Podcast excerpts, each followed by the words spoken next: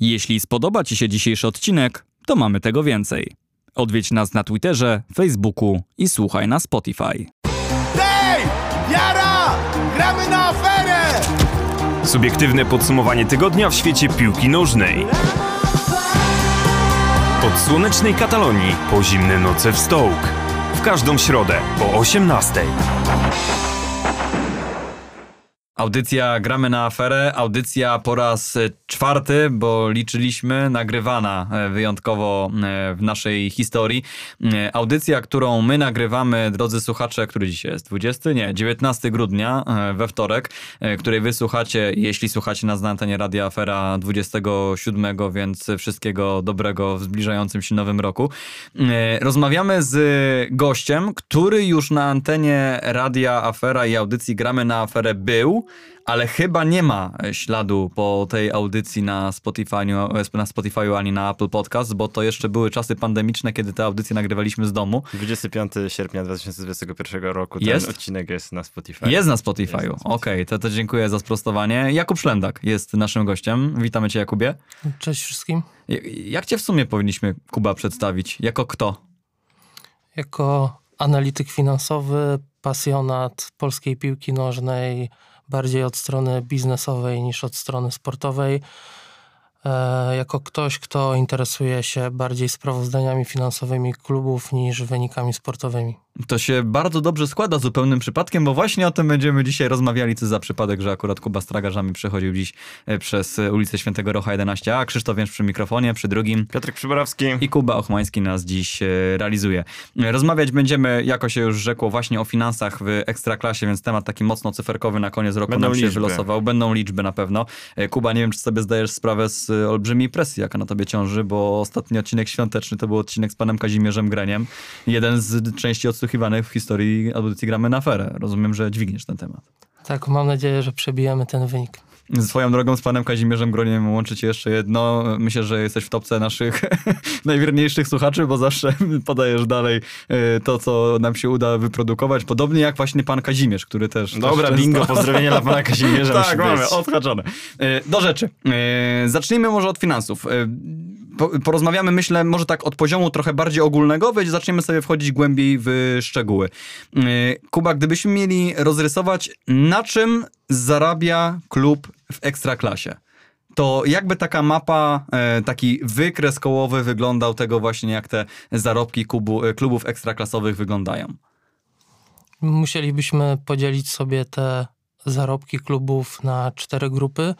Trzy podstawowe, które zawsze występują, czyli przychody komercyjne, przychody z praw telewizyjnych i przychody z dnia meczowego, czyli sprzedaż biletów i tak dalej. I czwarta grupa to są transfery. One są e, trudne do zaplanowania. Raz mogą być trochę wyższe niż planowane, raz trochę niższe, więc ta grupa jest trochę z boku. Są trzy główne i ta czwarta transfery e, jako, jako ostatnia. Gdybyśmy mieli na tym wykresie te cztery grupy podzielić na, no właśnie, największe, najmniejsze y, udziały, jak to zwykle wygląda w przypadku tych ekstraklasowych klubów? Domyślam się, że no bardzo różnie w zależności od tego, o jakim klubie mówimy tak naprawdę. E, tak, tak, dobrze mówisz, że to się bardzo różni. E, mo, można powiedzieć, że mniej więcej połowa to są te przychody komercyjne, jakieś 40% to są e, przychody z praw telewizyjnych i marketingowych i reszta to jest e, dzień meczowy. To się różni w zależności od tego, jak duży jest klub. E, wiadomo, że te większe kluby mają te środki komercyjne na wyższym poziomie i też e, w samej strukturze przychodów one mogą ważyć więcej. Kluby mniejsze, które mają mniejszych sponsorów, mniejszą bazę kibiców, będą miały większy udział w przychodach e, w tej grupie spraw telewizyjnych, czyli z ekstraklasy. W jaki sposób, Kuba, w takim razie te mniejsze kluby mogą ewentualnie nadrabiać e, te straty wynikające z tego, o czym wspomniałeś, a więc z mniejszej bazy kibicowskiej, czy po prostu z mniejszych możliwości organizacyjno-infrastrukturalnych? Po stronie przychodowej jest e, mało szans na naprawę tych wskaźników, ale po stronie kosztowej można e, zoptymalizować e, wszystkie koszty, które są w klubach i też mniejsze kluby mają dużo mniejsze koszty stałe, bo gdy porównamy na przykład te nasze poznańskie dwa kluby, czyli Wartę i Lecha, Lech jest dużym klubem, dużym w skali polskiej i on te koszty stałe, niezależne od tego, które zajmie miejsce w tabeli, ma na wysokim poziomie, więc co sezon musi wygenerować e, bardzo dużą kwotę, która pokryje tylko te koszty, które zawsze występują. Więc Warta jako mniejszy klub ma też tą przewagę, że te koszty są dużo mniejsze i jest bardziej zwinna w tym zakresie. Jeśli e, zadzieje się coś złego, może szybciej te koszty e, zoptymalizować, poszukać jakichś cięć, niż Lech, który jest dużym klubem, z dużą akademią, z drogim stadionem. On ma zdecydowanie trudniej. Myślę, że jak taki kibic powszechny, powiedzmy niedzielny, myśli o kosztach utrzymania takiego klubu, no to pierwsze, co ma w głowie, to jest oczywiście wypłata dla piłkarzy, bo to są tematy najbardziej medialne. E, natomiast jak zaczniemy sobie myśleć głębiej, no to oczywiście koszty utrzymania stadionu, koszty opłacenia pozostałych pracowników klubu, koszty funkcjonowania akademii, kupienia sprzętu i tak dalej, wyjazdów. E, czy powinniśmy wyróżnić jeszcze jakieś dodatkowe grupy wydatków, które są właśnie takimi najistotniejszymi e, w przypadku klubów grających na poziomie ekstraklasy? Niestety wciąż są na naszym podwórku krajowym kluby, które w budżecie muszą też zakładać e, środki na uregulowanie zobowiązań z poprzednich lat, kiedy na przykład właściciel był inny i zaciągnął zobowiązania, które dalej ciążą klubowi.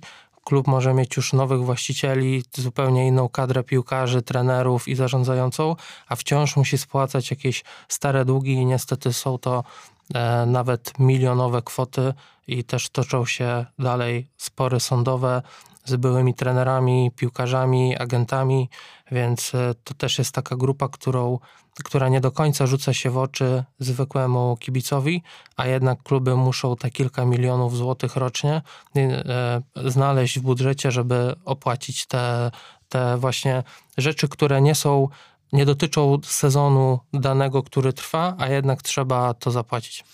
Jesteśmy w stanie tak e, z głowy, czyli z niczego wymienić kluby, które się z tym w największej, e, w największej mierze borykają w tej chwili, właśnie jeśli chodzi o takie zobowiązania, które wiszą, e, no nie do końca wynikające z tego, jak w tej chwili sytuacja w klubie wygląda. Jako pierwsze przychodzi mi do głowy Wisła Kraków, która ma te zobowiązania na wysokim poziomie. Wczoraj... Taki chyba najbardziej jaskrawy przy, przypadek w ogóle z ostatnich lat, wydaje mi się, Wisła Kraków. Tak i najświeższy w mojej głowie, bo wczoraj Wisła opublikowała sprawozdanie finansowe, które analizowałem, więc to mi e, naj, najszybciej przychodzi do głowy i najwięcej o tym wiem w danym momencie.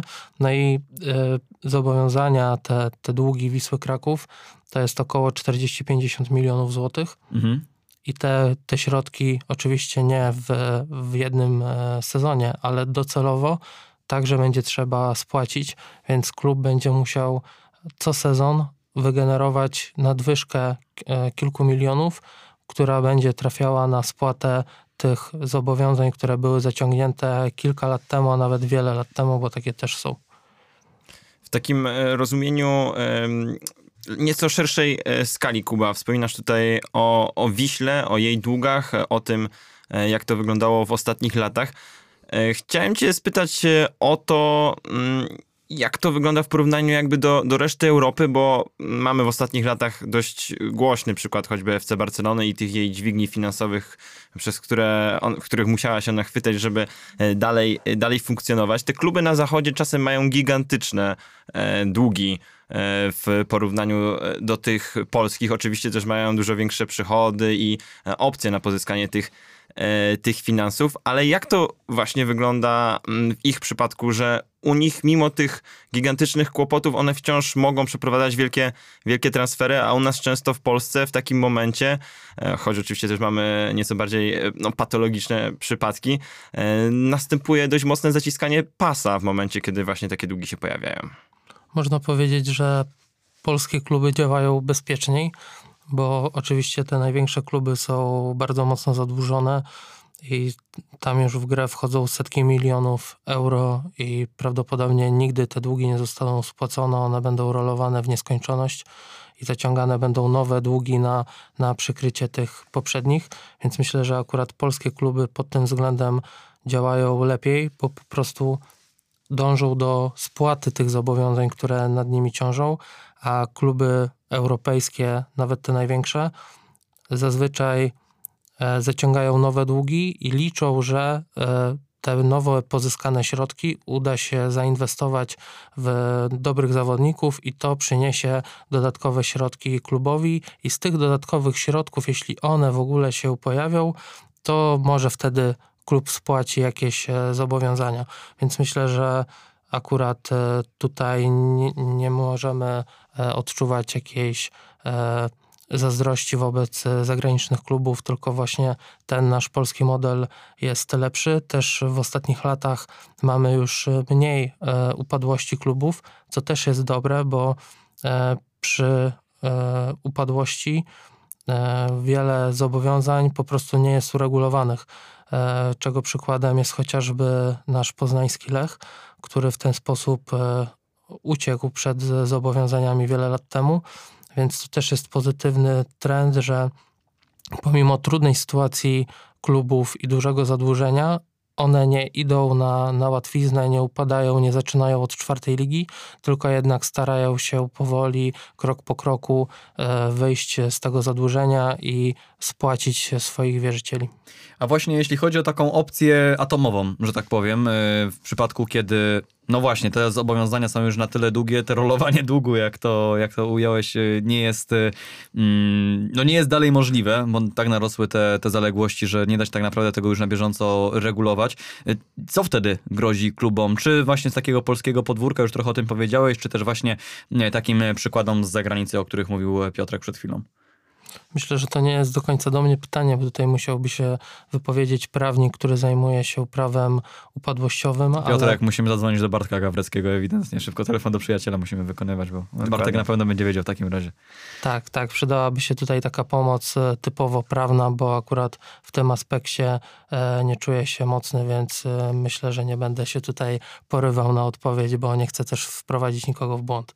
Natomiast w przypadku, okej, okay, rozumiem oczywiście, natomiast w przypadku rozumiem klubu, y, który gra na poziomie ekstraklasy w tej chwili, to wiąże się z tym, że no właśnie klub zostaje zdegradowany do e, niższej zdecydowanie ligi i dalej tam może teoretycznie kontynuować y, swoją przygodę. Czy, czy ja to dobrze rozumiem? No musimy pamiętać, że mamy proces licencyjny i w nim zawarte są e, zasady, które kluby muszą e, spełniać. E, jedną z zasad jest brak przeterminowanych zobowiązań i kluby w marcu i w listopadzie starają się albo spłacić zobowiązania, które e, na nich ciążą, albo tak dogadać się z wierzycielami, żeby przedłużyć okres spłaty na następne lata. I z tego często kluby korzystają. E, jeśli są jakieś e, przedawnione zobowiązania, to kluby mogą otrzymać karę finansową, e, nadzór finansowy, nawet e, karę odjęcia punktów w tabeli ligowej. Więc kluby są na bieżąco kontrolowane. Tylko problemem jest tutaj to, że tak naprawdę nikomu na rękę nie jest zbyt mocne ukaranie klubów i niestety są kluby, takie jak Górnik Zabrze, które od lat mają problemy z płynnością, z długami, z wierzycielami, a jednak jakoś udaje im się e, co te pół roku spełnić wymagania i ta licencja jest odnawiana, a nie do końca tak powinno być, bo jeśli wprowadzamy jakieś zasady, to powinny być przestrzegane i liga powinna być, brzydko mówiąc, wyczyszczona z klubów, które po prostu nie powinny w niej występować ze względów organizacyjno-finansowych.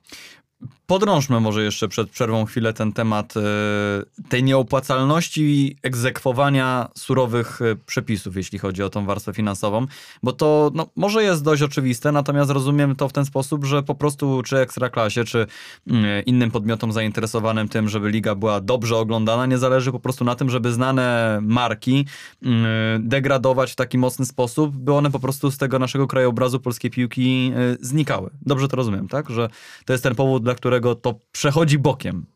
Po części tak, masz rację oczywiście, ale e, druga strona jest taka, że taka opcja atomowa e, jest zła dla wszystkich, bo pamiętajmy, że polskie kluby, szczególnie te z drugiej połowy tabeli, są bardzo mocno uzależnione od środków spraw telewizyjnych. Więc gdybyśmy na przykład zdegradowali Górnika Zabrze za sytuację finansową, to on po spadku do pierwszej ligi prawdopodobnie ogłosiłby upadłość, bo, bo ten przeskok finansowy jest tak duży, że przy trudnej sytuacji finansowej klubu i braku woli wkładania pieniędzy do klubu poprzez pożyczki e, przez jego właścicieli, e, tak naprawdę to jest sytuacja bez wyjścia, więc tutaj najlepsze, co można by było zrobić, to e, zabezpieczyć w, tych środkach, które wypłaca Ekstraklasa, część środków, która bezpośrednio trafiałaby do wierzycieli. Na przykład 20% kwoty, którą wypłaca Ekstraklasa, czyli powiedzmy 2-3 miliony złotych, nie trafiałoby w ogóle do klubu, tylko z pominięciem klubu trafiałoby do wierzycieli i to już musiałby ktoś określić, e, którzy są najpilniejsi do spłaty i w ten sposób powinno się to robić. Też pamiętajmy, że kluby są mocno zadłużone u swoich właścicieli, a także w ZUS-ie i tego typu instytucjach, więc te długi one są, ale często w analizie finansów danego klubu, one są wyciągane trochę poza nawias. Tutaj też przykładem jest Wisła Kraków, która 40 kilka milionów złotych e, oficjalnie zalega telefonice, jeszcze z czasów pana Bogusława Cupiała, ale ten dług nigdy nie zostanie uregulowany i on jest po prostu e, wyciągany poza nawias i nie jest analizowany. To się wiąże z tym, że E, jeśli ktoś nie jest tego świadomy, to może e, dojść do niewłaściwych wniosków, analizując sprawozdanie, a ten dług nie jest uregulowany, bo Wisły na to nie stać, a telefonika nie chce umorzenia tego długu, bo wtedy trzeba by było zapłacić wielomilionowy podatek. Więc ten dług jest po prostu wpisywany w sprawozdanie i obok jest adnotacja, że, że on nie będzie wymagany oficjalnie do 31 grudnia 2029 roku. E, ten dług e, nie jest wymagany do spłaty.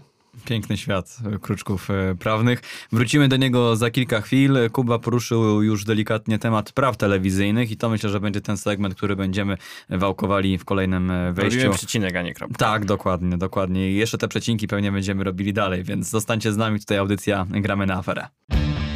Radio Afera 98,6 MHz.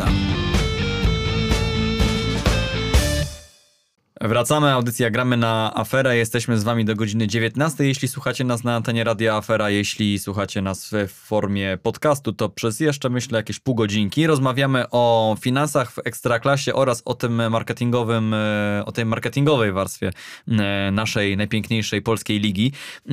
Zaczęliśmy przed przerwą, Kuba, mówić o tym, o tych prawach telewizyjnych, które, które też co jakiś czas przewijają się z początkiem każdego sezonu. Jest to informacja podawana, no między innymi przez ciebie oczywiście, tak swoją drogą właśnie, zróbmy taką małą autopromocję. E, Jakub Szrendak na Twitterze, e, tak zwanym Xie zresztą już. E, tam wszelkie takie informacje związane ze światem finansów znajdziecie. Mm, no i właśnie, prawa telewizyjne. Jak to wygląda, jeśli chodzi o podział kwoty z tych praw telewizyjnych, o jakich kwotach w ogóle e, mówimy, jeśli chodzi o te pieniądze?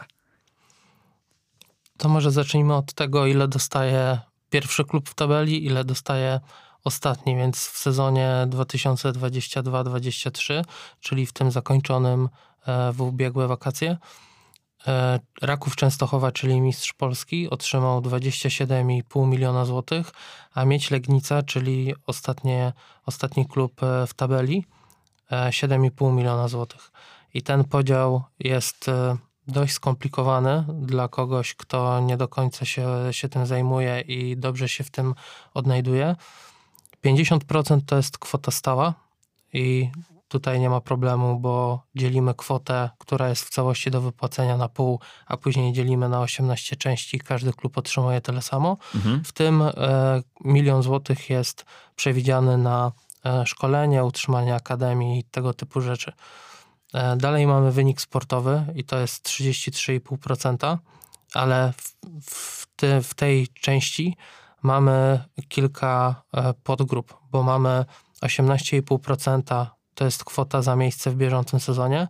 Mamy 14% do podziału między trzy najlepsze kluby i czwartego reprezentanta w pucharach. Mamy 1% opłaty solidarnościowej, czyli dodatkowych środków dla klubów, które spadają e, do pierwszej ligi, po to, żeby ten e, odpływ środków był trochę mniejszy, żeby e, trochę ich wspomóc w walce o, o awans do, do ekstraklasy. 14% to jest ranking historyczny i ranking historyczny nie ma żadnego związku z tabelą wszechczasów, co niektórzy myślą, że, że tak to wygląda. Mhm. Tutaj liczy się pięć poprzednich sezonów, więc y, kluby, które tak jak Ruch Chorzów na przykład są bardzo utytułowane, ale w ostatnich pięciu latach nie były w ekstraklasie, e, otrzymują bardzo małe środki, pomimo tego, że, że historycznie te kluby mają dużo trofeów na koncie. Ta nazwa jest trochę myląca, myślę przede wszystkim. Nie? Ranking historyczny sugeruje coś, co no właśnie odwołuje się do tytułów z, z zamierzchłych czasów. Tak, no nie widzę żadnej przyczyny, dla której to nie mogłoby się nazywać ranking pięcioletni na przykład i nie byłoby żadnego problemu. I 2,5%, które nam pozostało, żeby była setka, to jest Pro Junior System. E, To polega na tym, że kluby, które stawiają na młodych zawodników, na zawodników, którzy grają też e, w młodzieżowych reprezentacjach Polski, otrzymują dodatkowe środki. E, Najlepszy klub może otrzymać e, nawet 3 miliony złotych, więc jest o co walczyć. Tutaj trzeba też wspomnieć o karze, która ciąży nad każdym klubem. Każdy klub musi zagwarantować 3000 minut rozegranych przez młodzieżowców. Jeśli tego nie, nie zrobi, to są trzy progi, e, milion złotych, 2 miliony złotych i 3 miliony złotych i e, można zapłacić taką karę. E, To jest zmiana od dość niedawna. Wcześniej nie było, był po prostu wymóg grania młodymi zawodnikami, nie było od tego żadnej drogi ucieczki. W zeszłym sezonie Raków Częstochowa nie wypełnił tego limitu, Mhm. postawili na wynik sportowy i musieli zapłacić e, 2 miliony złotych kary. Chyba nie tylko Raków zresztą zdecydował się na taki krok, jeśli chodzi o, o ten ranking, ale mm, kurczę, teraz nie pamiętam. Poratujecie mnie panowie, jak to, jak to wyglądało? Nie, Pamiętacie? chyba statystycznie tylko Raków. tak, W- jest... Wydaje mi się, że jeszcze bodajże Lechia Gdańsk była zagrożona, ale, Ale ostatecznie wypełniła limit. Okej, okej, to może to, mi się, może to mi się kołatało. No, no, no cóż, co tutaj dużo, dużo więcej mówić. Czyli jeśli chodzi o podział tych środków, no też różnica między pierwszym zespołem a ostatnim, tak jak mówiłeś na przykładzie tego ostatniego sezonu 27 do 7 milionów jest naprawdę spora. Natomiast y, jak, tak pytam ciebie teraz o twoje prywatne, prywatne zdanie, prywatną, subiektywną opinię. Y, Jak ty oceniasz y, skuteczność podziału tych, ty- tych, tych środków właśnie? Czy w twojej ocenie one są ok? Czy coś tam widzisz takiego, co mogłoby, można by było e, poprawić? Propozycja tego, żeby automatycznie spłacać długi już, już była, no to e, pomysły racjonalizatorskie zbieramy dalej. Myślę, że tak naprawdę niewiele można tutaj zmienić, bo e, tak jak często bywa z różnymi pomysłami, które są wdrażane, każdy ma wiele pomysłów na usprawnienie, ale jak pomyślimy o tym trochę głębiej, to one po prostu nie są realne do wprowadzenia, bo musi być część stała, bo pamiętajmy o tym, że tak naprawdę większość klubów w lidze o, nie walczy o mistrzostwo i nie ma szans na awans do, do pucharów czy zajęcie miejsca w top 4, Mhm. więc te kluby dążą do jak największej kwoty stałej. E, są też kluby, które mają słaby ranking historyczny, tak jak na przykład wspomniany Ruch Chorzów Mhm. i one będą dążyły do tego, żeby ten ranking historyczny mniej ważył w całym tym torcie, więc e, te tarcia między klubami są dość duże i też niedawno mieliśmy zmianę w podziale środków właśnie z tego powodu. Więc myślę, że to jest trochę jak demokracja. Może to nie jest najlepszy sposób na podział tych środków, ale trudno znaleźć lepszy tak naprawdę.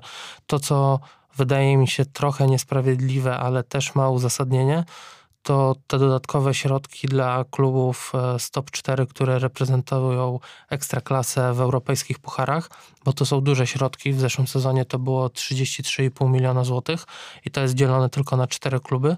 Raków jako mistrz otrzymał 13,5 miliona złotych dodatkowej e, kwoty właśnie z tej puli marketingowo-telewizyjnej i to jest duża kwota, bo to jest połowa tego, co Raków zarobił w ogóle w całym sezonie. Więc myślę, że e, te kwoty są dość duże, ale one były wprowadzone właśnie po to, żeby te najlepsze kluby miały dodatkowe środki finansowe na wzmocnienie kadry i żeby nie musiały po dobrym sezonie zaraz wyprzedawać najlepszych zawodników, żeby poprawiać swoją sytuację finansową, więc może nie do końca wydaje mi się to sprawiedliwe i, i dobre, e, jeśli spojrzymy sobie na perspektywę tych 13 13-14 pozostałych klubów, e, ale jednak jakieś uzasadnienie jest i widzimy w tym sezonie europejskich pucharów, gdzie mieliśmy dwóch reprezentantów Raków i Legię, że daje to jakieś efekty, bo jednak e, te dodatkowe środki na pewno pomogły klubom w przygotowaniu się do fazy grupowej teoretycznie prowadzi nas to, myślę, do wniosku, że budujemy w ten sposób y, kluby z topu jeszcze bardziej, nadbudowujemy ich kapitał w taki sposób, żeby mogły go dalej reinwestować i zwiększać tę przewagę nad, nad resztą ligi, ale w zasadzie nie jest to kwintesencją to, żeby zwiększać przewagę nad resztą ligi, tylko żeby wybijać nas na arenie europejskiej. Y, no i tutaj moglibyśmy się zastanawiać, czy to jest y, w przypadku pozostałych klubów fair i czy to faktycznie przynosi skutki, bo to też, też różnie bywa z tym efektem, myślę, na, na tej europejskiej arenie, jak widzimy chociażby po tym sezonie. Myślę, że zobaczymy e, może na początku przyszłego sezonu, jeśli te, te rozstrzygnięcia ostateczne będą podobne do tych na koniec rundy jesiennej, czyli kiedy Śląsk, Wrocław i Jagiellonia, Białystok e, znajdą się w top 4 mhm. i one otrzymają te dodatkowe środki, a są to kluby, które no, no nie są w tej, w tej topowej czwórce ostatnich lat pod, pod względem sportowym, finansowym e, i, i tak dalej. E, więc myślę, że tutaj będziemy mieli dobry przykład na to, czy taki, takie dodatkowe środki, takie kilkanaście milionów złotych dla Śląska Wrocław E, sprawią, że ten klub e, zrobi kolejny krok do przodu, zainwestuje w akademię, zbuduje coś trwałego, czy za rok albo dwa, kiedy będzie trochę e, gorszy wynik sportowy, zaraz usłyszymy, że są jakieś opóźnienia w wypłaceniu pensji piłkarzom i tego typu rzeczy, więc myślę, że miejsce Jagiellonii i Śląska w top 4 będzie bardzo ciekawe właśnie pod tym względem. Wspomniałeś tutaj właśnie mm, Śląska Wrocław. Wcześniej mówiłeś też, Kuba, o Górniku Zabrze. Te dwa kluby łączy fakt, że należą one do miasta, de facto do miasta, więc do e, samorządu. Jaki jest Twój stosunek do tego finansowania sportu ze środków właśnie samorządowych? Bo oczywiście w Poznaniu to wszystko wygląda troszkę inaczej. Tutaj samorządy nie za bardzo angażują się w finansowanie e, sportu profesjonalnego właśnie na poziomie na przykład e, ekstraklasy. Dlaczego się Piotrek tak uśmiechasz, powiedz? Tak tylko pytam. Przypadkiem zupełnie. Przypadkiem. Okay, okay. Ale jednak w wielu, w wielu miastach w Polsce dochodzi do takiej sytuacji i dochodzi często przez to do, no po pierwsze wielu kontrowersji, a po drugie do wielu takich, no też tutaj użyjemy tego słowa patologii, bo, mhm. e, bo ze środków publicznych czasem finansowane są na przykład kontrakty e, zagranicznych, zagranicznych piłkarzy. Jak ty e, się do tego odnosisz? Myślę, że to nie jest tak zero-jedynkowe e, jedynkowy temat, jak niektórym się wydaje i ciężko tutaj powiedzieć, że e, każde finansowanie ze środków miejskich czy, czy samorządowych jest złe, bo musimy rozgraniczyć kluby, które są w złej kondycji, nie przynoszą żadnych wyników sportowych, nie tworzą e, żadnego takiej małej społeczności wśród kibiców, nie tworzą żadnych fajnych akcji CSR. Po prostu no, można powiedzieć, że nie zasługują na te środki, bo są one marnowane, a poprzez e, marnowanie mam na myśli to, że e, na koniec roku czy sezonu trudno jest określić, na co one e, były wydane i co trwałego zostało z tych środków. I oczywiście takie rozwiązania e, krytykuję i, się z nimi nie zgadzam, bo to są jednak pieniądze, które mogłyby trafić na inne cele, a każde miasto ma swoje problemy i na pewno mogłoby wydać te środki, a mówimy o milionach, nawet kilkunastu milionach rocznie, na, na o wiele pilniejsze rzeczy. Ale z drugiej strony mamy też e, przesunięcie e, właśnie w tą, w tą drugą stronę i przykręcanie tego kurka z pieniędzmi bez uzasadnienia też jest e, niedobre, bo na przykład Stomil Olsztyn e, nie można powiedzieć, że to jest e, źle zarządzany klub, że rządzi tam jakiś Hochstapler i, i tego typu rzeczy, a odmawia mu się wsparcia finansowego na małe, na małe kwoty w skali całego budżetu miejskiego, bo to są ogromne kwoty. Więc myślę, że trzeba by było to wypośrodkować i też wydaje mi się, że Ekstraklasa powinna zająć się tym tematem i po prostu przygotować jakieś regulacje, że nie może być tak, że przykładowo Pogoń rywalizuje z Lechem o trzecie miejsce w tabeli i Pogoń otrzymuje z miasta 4, 5, 6 milionów złotych rocznie, a Lech otrzymuje 100 tysięcy na e, sport dzieci i młodzieży i przeciwdziałanie alkoholizmowi, więc to są całkiem inne kwoty i takie 6 milionów złotych to są e, trzy kontrakty bardzo dobrego piłkarza, które na koniec mogą zmienić układ tabeli, więc wydaje mi się, że Ekstraklasa powinna to trochę uregulować, żeby te środki były na przykład e, zależne od całości przychodów klubu, na przykład 5% przychodów e, w sezonie mo, może pochodzić od takiej pomocy publicznej, ale nie więcej. I tutaj na pewno Śląsk Wrocław jest przykładem, że w ostatnich latach te miliony, które trafiały do klubu, nie były dobrze wydatkowane, bo miejsca Śląska były niskie poza, poza jednym wystrzałem, kiedy, kiedy zajął czwarte miejsce.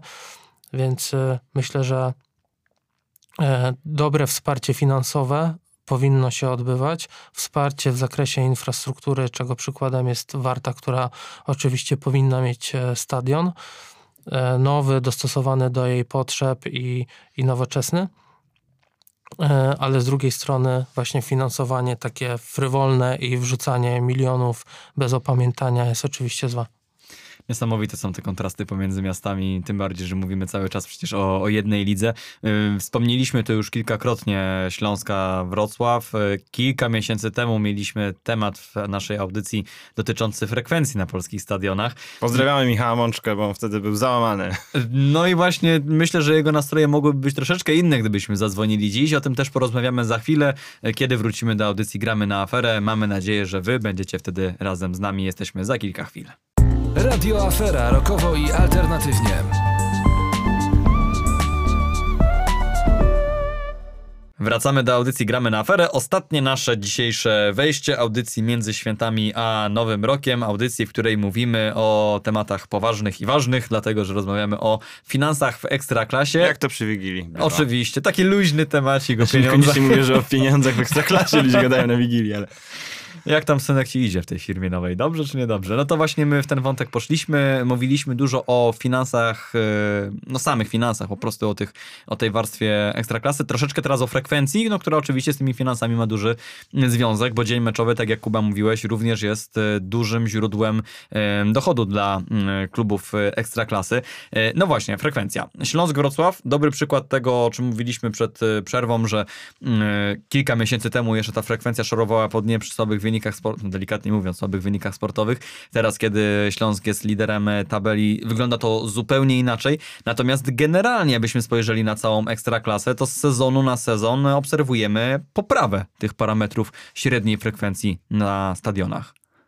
Tak, e, akurat od początku sezonu zacząłem to bardzo mocno śledzić i porównuję sobie wyniki do poprzedniego sezonu i do jeszcze wcześniejszego i te wzrosty są bardzo fajne, bo, bo 20-30%. A ty mówisz o teraz o całej lidze? Czy Tak, mówię o całej średnio lidze. cała liga? Tak, tak, Mhm. mówię o, o całej lidze, więc y, zainteresowanie kibiców takich stadionowych, a niekoniecznie telewizyjnych rośnie, co jest na pewno bardzo fajne. Tutaj też wpływ mają na pewno marki, które są teraz w lidze, bo e, awans Widzewa, Ruchu Chorzów, e, czy, czy nawet e, ŁKS-u e, na pewno spowodował, że e, kibice mają e, trochę więcej chęci, żeby, żeby pójść na, na stadion i zobaczyć spotkanie swojej drużyny. No to są też kibice, którzy chodzili również, y, kiedy te kluby występowały na niższych poziomach rozgrywkowych, więc tak naprawdę mamy transfer z ekstraklasy do, z pierwszej ligi do ekstraklasy. A swoją drogą ty też monitorujesz może też pierwszą ligę, czy skupiasz się tylko na ekstraklasie w tych statystykach?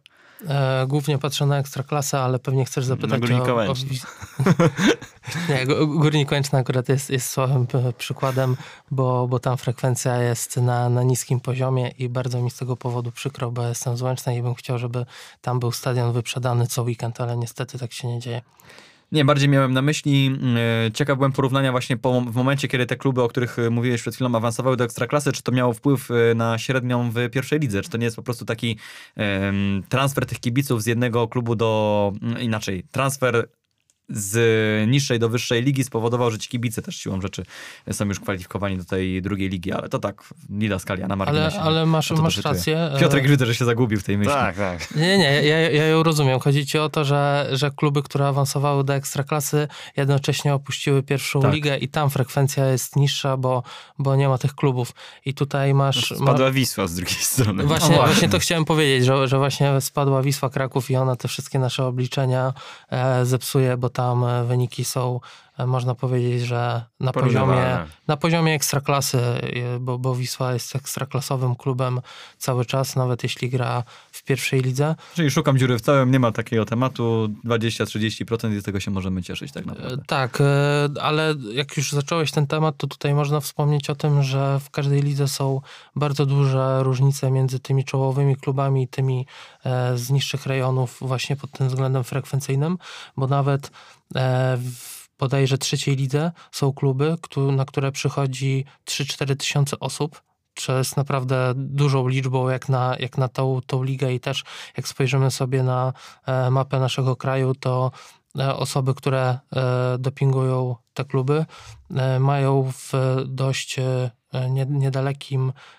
otoczeniu kluby z ekstraklasy, a jednak przychodzą na ten poziom sportowy niższy.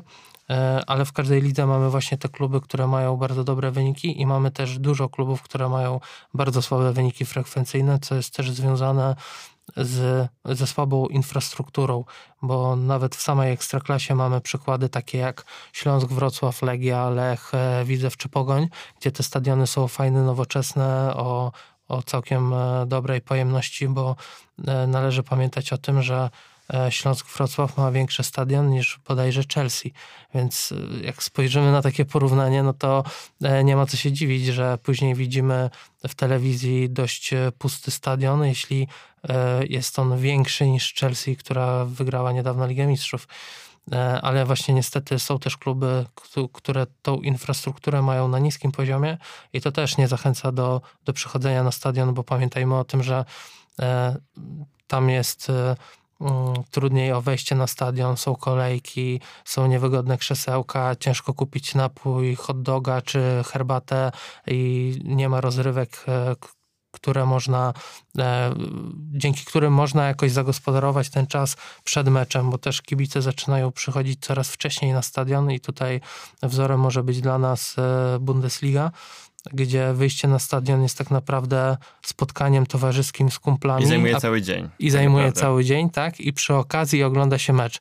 Ale to jest e, dodatek do, do wyjścia ze znajomymi, a nie cel sam w sobie. W Polsce też zaczyna to iść w tym kierunku i to jest bardzo dobre, bo też pamiętajmy, że kluby zarabiają na cateringu, napojach i tych wspomnianych hot dogach, więc też im dłużej kibic jest na stadionie, tym więcej pieniędzy zostawi, a tym samym klub pozyska środki, dzięki czemu może nie będzie musiał być dotowany przez miasto, bo kibice będą go dotować właśnie w taki sposób.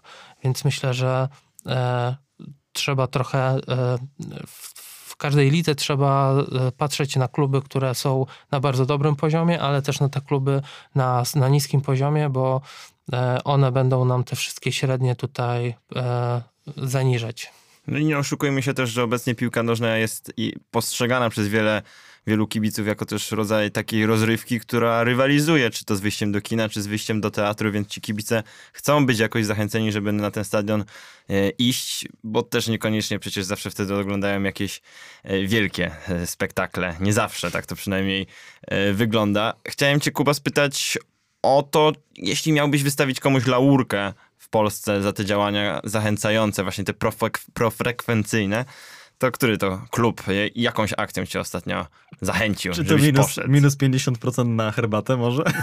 Nie, nie. e, Herbata e, zamiast za 8 zł, za 4 zł na stadionie w Szczecinie e, jest już memiczna, ale to, to na pewno nie była dobra akcja, bo tam kibice są dość nerwowi na, na punkcie swojego klubu i jego polityki cenowej, więc to tylko dolało oliwy do ognia. Myślę, że można pochwalić e, całą jesień w wykonaniu Śląska Wrocław pod względem właśnie tym wizerunkowo, marketingowo, pro- profrekwencyjnym. E, Wcale nie dlatego, że ta średnia jest wysoka, bo pamiętajmy o tym, że ta bardzo wysoka średnia widzów Śląska Wrocław jest tak naprawdę niewiele większa niż bardzo rozczarowująca frekwencja Lecha Poznań. Więc tam te, te różnice są bardzo niewielkie, a odbiór jest zupełnie inny. Chodzi oczywiście o skalę porównawczą. Frekwencja na stadionie we Wrocławiu była dość niska, e, dlatego wynik e, z tegorocznej jesieni jest tak dobrze odbierany, bo po prostu ten wzrost jest wysoki, ale też e, nie była tak niska, jak e, każdemu się wydawało, bo tam jest po prostu duży stadion i 10 tysięcy widzów na stadionie we Wrocławiu e, sprawiało wrażenie, że stadion jest pusty, a te same 10 tysięcy widzów na stadionie, powiedzmy Piasta Gliwice, to jest cały stadion. Więc e, tutaj też musimy patrzeć na to, ile jest dostępnych miejsc i często te stadiony są trochę za duże jak na możliwości klubu, bo czy stadion w Gdańsku, czy, czy we Wrocławiu, ciężko zapełnić co weekend e, 40 tysięcy krzesełek. Więc myślę, że wracając do twojego pytania, że, że Śląsk Wrocław bardzo fajnie wyglądał i szczególnie podobała mi się akcja z odblaskami, bo to był naprawdę no, genialna akcja, bo tania w przygotowaniu, e, taka, która każdemu się podoba. A na Tak- czym ona polegała, przepraszam, bo ja nie, nie pamiętam tej akcji. To polegało na tym, że e, klub e, przygotował film, w którym e, jakby promował odblaski wśród dzieci, widoczność na drodze po zmroku i e, bodajże na stadionie później na meczu były rozdawane za darmo odblaski dzieciom. A. E, tego, tego typu akcja, więc naprawdę no e, super akcja, oby więcej takich, bo, bo to są akcje, które absolutnie każdemu się podobają i e, tutaj nikt nie może e, złego słowa powiedzieć e, e, na, te, na takie działania, ale cały w ogóle wizerunek klubu i podejście prezesa jest bardzo fajne i widać to nawet w takich małych sytuacjach, jak ostatnio widziałem zdjęcie, gdzie e, prezes klubu, dyrektor sportowy i trener byli na jakimś spotkaniu. E, Wszyscy trzej mieli e, różne koszulki w różnych kolorach Śląska Wrocław i do zdjęcia ustawili się tak, żeby stworzyć zachować te barwy klubu, E, więc e, nawet takie drobne rzeczy, ale one są bardzo fajne i kluby często zdają sobie sprawę, że mogłyby coś takiego zrobić, ale uważają, że nie da to jakiegoś wielkiego efektu, a Śląsk pokazuje, że nie trzeba robić nawet spektakularnych akcji, ale jeśli one są fajne i są często, to też trochę e, ten pozytywny wizerunek się sumuje i na koniec te drobne akcje przekładają się na e, bardzo dobre postrzeganie wśród kibiców, a to jest ważne, bo później kibic chętniej założy koszulkę z herbem klubu albo kupi sobie kubek w sklepie z gadżetami, bo Śląsk jest fajny, Śląsk jest modny, fajnie w pracy pokazać e, karnet na, na mecze Śląska i, i tego typu sprawy też napędzają frekwencję i przychody klubów. Więc myślę, że Śląsk Wrocław e, jest bardzo dobrym przykładem, ale ogółem musimy zauważyć, że e, ten wzrost frekwencji, o której mówiliśmy, jest po części spowodowany tym, że działy marketingu klubów dużo mocniej ze sobą rywalizują.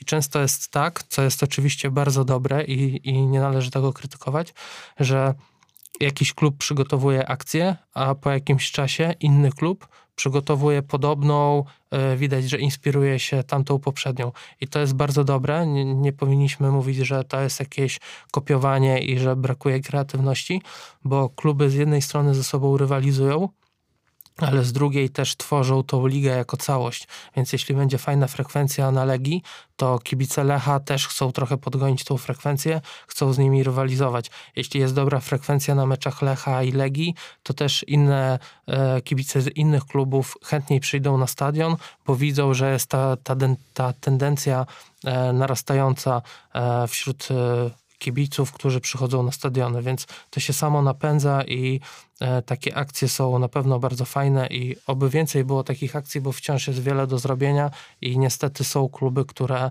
nie przykładają do tego należytej uwagi. Zrobiliśmy taką pętlę do audycji, do której was, drodzy słuchacze, odsyłamy, jeśli to, o czym mówił Kuba, was zainteresowało, bo na Dzień Kobiet w marcu mieliśmy u nas w studiu dziewczyny z Warty Poznań, które szerzej mówiły właśnie o tym, jak wygląda praca w marketingu klubu Ekstraklasy, więc do tej audycji was odsyłamy, żeby zrobić taką pętelkę, jeśli po tej audycji jest wam mało. Kuba, takie pytanie na koniec, troszeczkę prywaty, jeśli pozwolisz, bo, bo sam jestem ciekaw, obserwując twoją aktywność na, na Twitterze, na Xie, która jest e, no, regularna od dłuższego czasu, tak naprawdę odkąd rozmawialiśmy. Ponadprzeciętnie regularna. E, powiedz, gdybyśmy mieli ci złożyć takie życzenia noworoczne, e, związane na przykład z obszarem twoim zainteresowania, to jakie, jakie życzenia powinniśmy ci złożyć? Czy, czy to jest jakaś praca w klubie Ekstraklasy, przy finansach na przykład właśnie? Czy, czy, no ja nie ukrywam tego, że kiedy zakładałem konto na Twitterze, Twitterze e, dwa lata temu. Ono jest trochę starsze, ale dwa lata temu w styczniu zacząłem je prowadzić w taki sposób jak teraz i zaczynałem od zera obserwujących. Teraz mam bodajże ponad 7 tysięcy, więc myślę, że to jest całkiem dobry wynik jak na content, który tam przygotowuję i też staram się nie zanudzać ludzi e, komentowaniem wszystkiego dookoła i też nie lubię jak e, jakieś konto sobie obserwuję, bo jest fajne w jakimś temacie, a ono zaczyna opowiadać o Fame MMA i po prostu wszystkim, hmm. żeby wygenerować sobie jak najwięcej wyświetleń. Ja tego nie robię, więc y, to jest e, fajne docenienie mojej pracy, jeśli ktoś obserwuje to, co robię, a co jest jeszcze ważniejsze, pokazuje swoją aktywność, coś polubi, coś skomentuje, nawet skrytykuje, to jest bardzo fajne, bo najgorsze co może być to e, kiedy włożę coś w coś pracę, e, staram się opisać jakiś temat, a później on ma na przykład pięć lajków. I tutaj nie chodzi o to, że jak będzie dużo lajków, to ja się będę cieszył, tylko chodzi o to, że E, jeśli jest ta aktywność i ludzi to interesuje, komentują, dopytują, to widzę, że jest grono osób, które to interesuje i później mam większe chęci, żeby przygotowywać kolejne materiały. E, ja nie ukrywam od, od dwóch lat, że moim celem jest praca w klubie sportowym e, i tutaj w grę wchodzą głównie dwa, bo mieszkam w Poznaniu, czyli Warta Poznań i Lech Poznań, więc jeśli miałbym czegoś sobie życzyć w nowym roku, to myślę, że większego zwrócenia uwagi na to, co robię właśnie e, z tych dwóch klubów.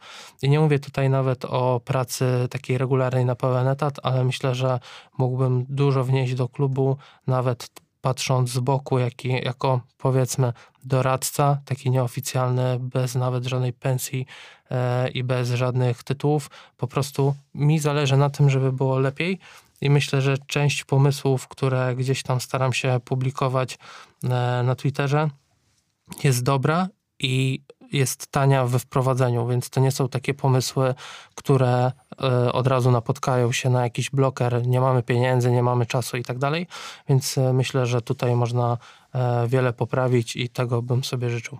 No to my wiemy, że dokładnie dyrektorzy i członkowie zarządów poznańskich klubów mają Twittera, więc pewnie być może ta audycja do nich również dotrze i pewnie być może już dociera e, do nich ten e, twój content, ale miejmy nadzieję, że że usłyszeli ten komunikat. Bardzo mi się podoba taka konkretna odpowiedź wprost. Nie, to, to, się, to się ceni, cenimy. E, Jakub Szlendak był autorem tej wypowiedzi, jak i wcześniejszych 40 minut. Dziękujemy Ci, Kuba, że po raz kolejny byłeś gościem audycji Gramy na aferę. Bardzo dziękuję za, za zaproszenie. E, to była duża przyjemność. Mam nadzieję, że nie zanudziłem. Mam sposób mówienia bardzo taki rozwlekły, ale starałem się konkretnie i myślę, że każdy, kto przesłucha naszej rozmowy, to jakieś dwie, trzy informacje, o których może wcześniej nie wiedział, sobie wyłuska i pewnie będzie zadowolony. Nam też będzie swoją drogą miło, jeśli dacie znać, jak ta audycja wam się podobała. Pamiętajcie, że jeśli chcecie nas wesprzeć, to bardzo doceniamy, jeśli wystawicie nam e, opinię na Spotify'u, te gwiazdeczki całe. Znajdziemy klikniecie. tą osobę, która dała nam czwórkę. Ktoś dał czwórkę i nam spadł do 4,9, to jest, to jest skandal, więc będziemy śledzić, ale jeśli chcecie nam pomóc, e, dobrze wpłynąć na nasze to prosimy o oceny. Również jeśli mają być negatywne, bo tak naprawdę chodzi o to, żeby zebrać tę waszą opinię. Jeśli też Nieważne macie sugestie. Dokładnie. Jeśli macie sugestie e, do nas, to, to również jesteśmy na to otwarci. Jesteśmy na Twitterze, na Facebooku, tam nas znajdziecie. Na Instagramie. Na Instagramie. E, Piszcie do nas, komentujcie to, co tworzymy, bo nam również to uprzyjemnia pracę. E, Krzysztof Więż. Piotr Przyborowski, szczęśliwego nowego roku. e, Też. Tobie również, Piotrusiu, bo tak widzę w moją stronę spojrzałeś. Chodziło mi o słuchaczy, Naszym słuchaczom tak. również oczywiście życzymy wszystkiego dobrego w nowym roku. E, obiecujemy się nie zmieniać i robić to samo, co, to do, co do tej pory, może trochę lepiej. E, Kuba Chmański nas dziś realizował. Tobie też, Kuba, oczywiście. Szczęśliwego nowego roku. Kuba kiwa i pokazuje, że wam również słuchacze. Dziękujemy. Do usłyszenia za tydzień. Tej! Jara! Gramy na aferę! Subiektywne podsumowanie tygodnia w świecie piłki nożnej. Od słonecznej Katalonii po zimne noce w Stołk. W każdą środę po 18:00.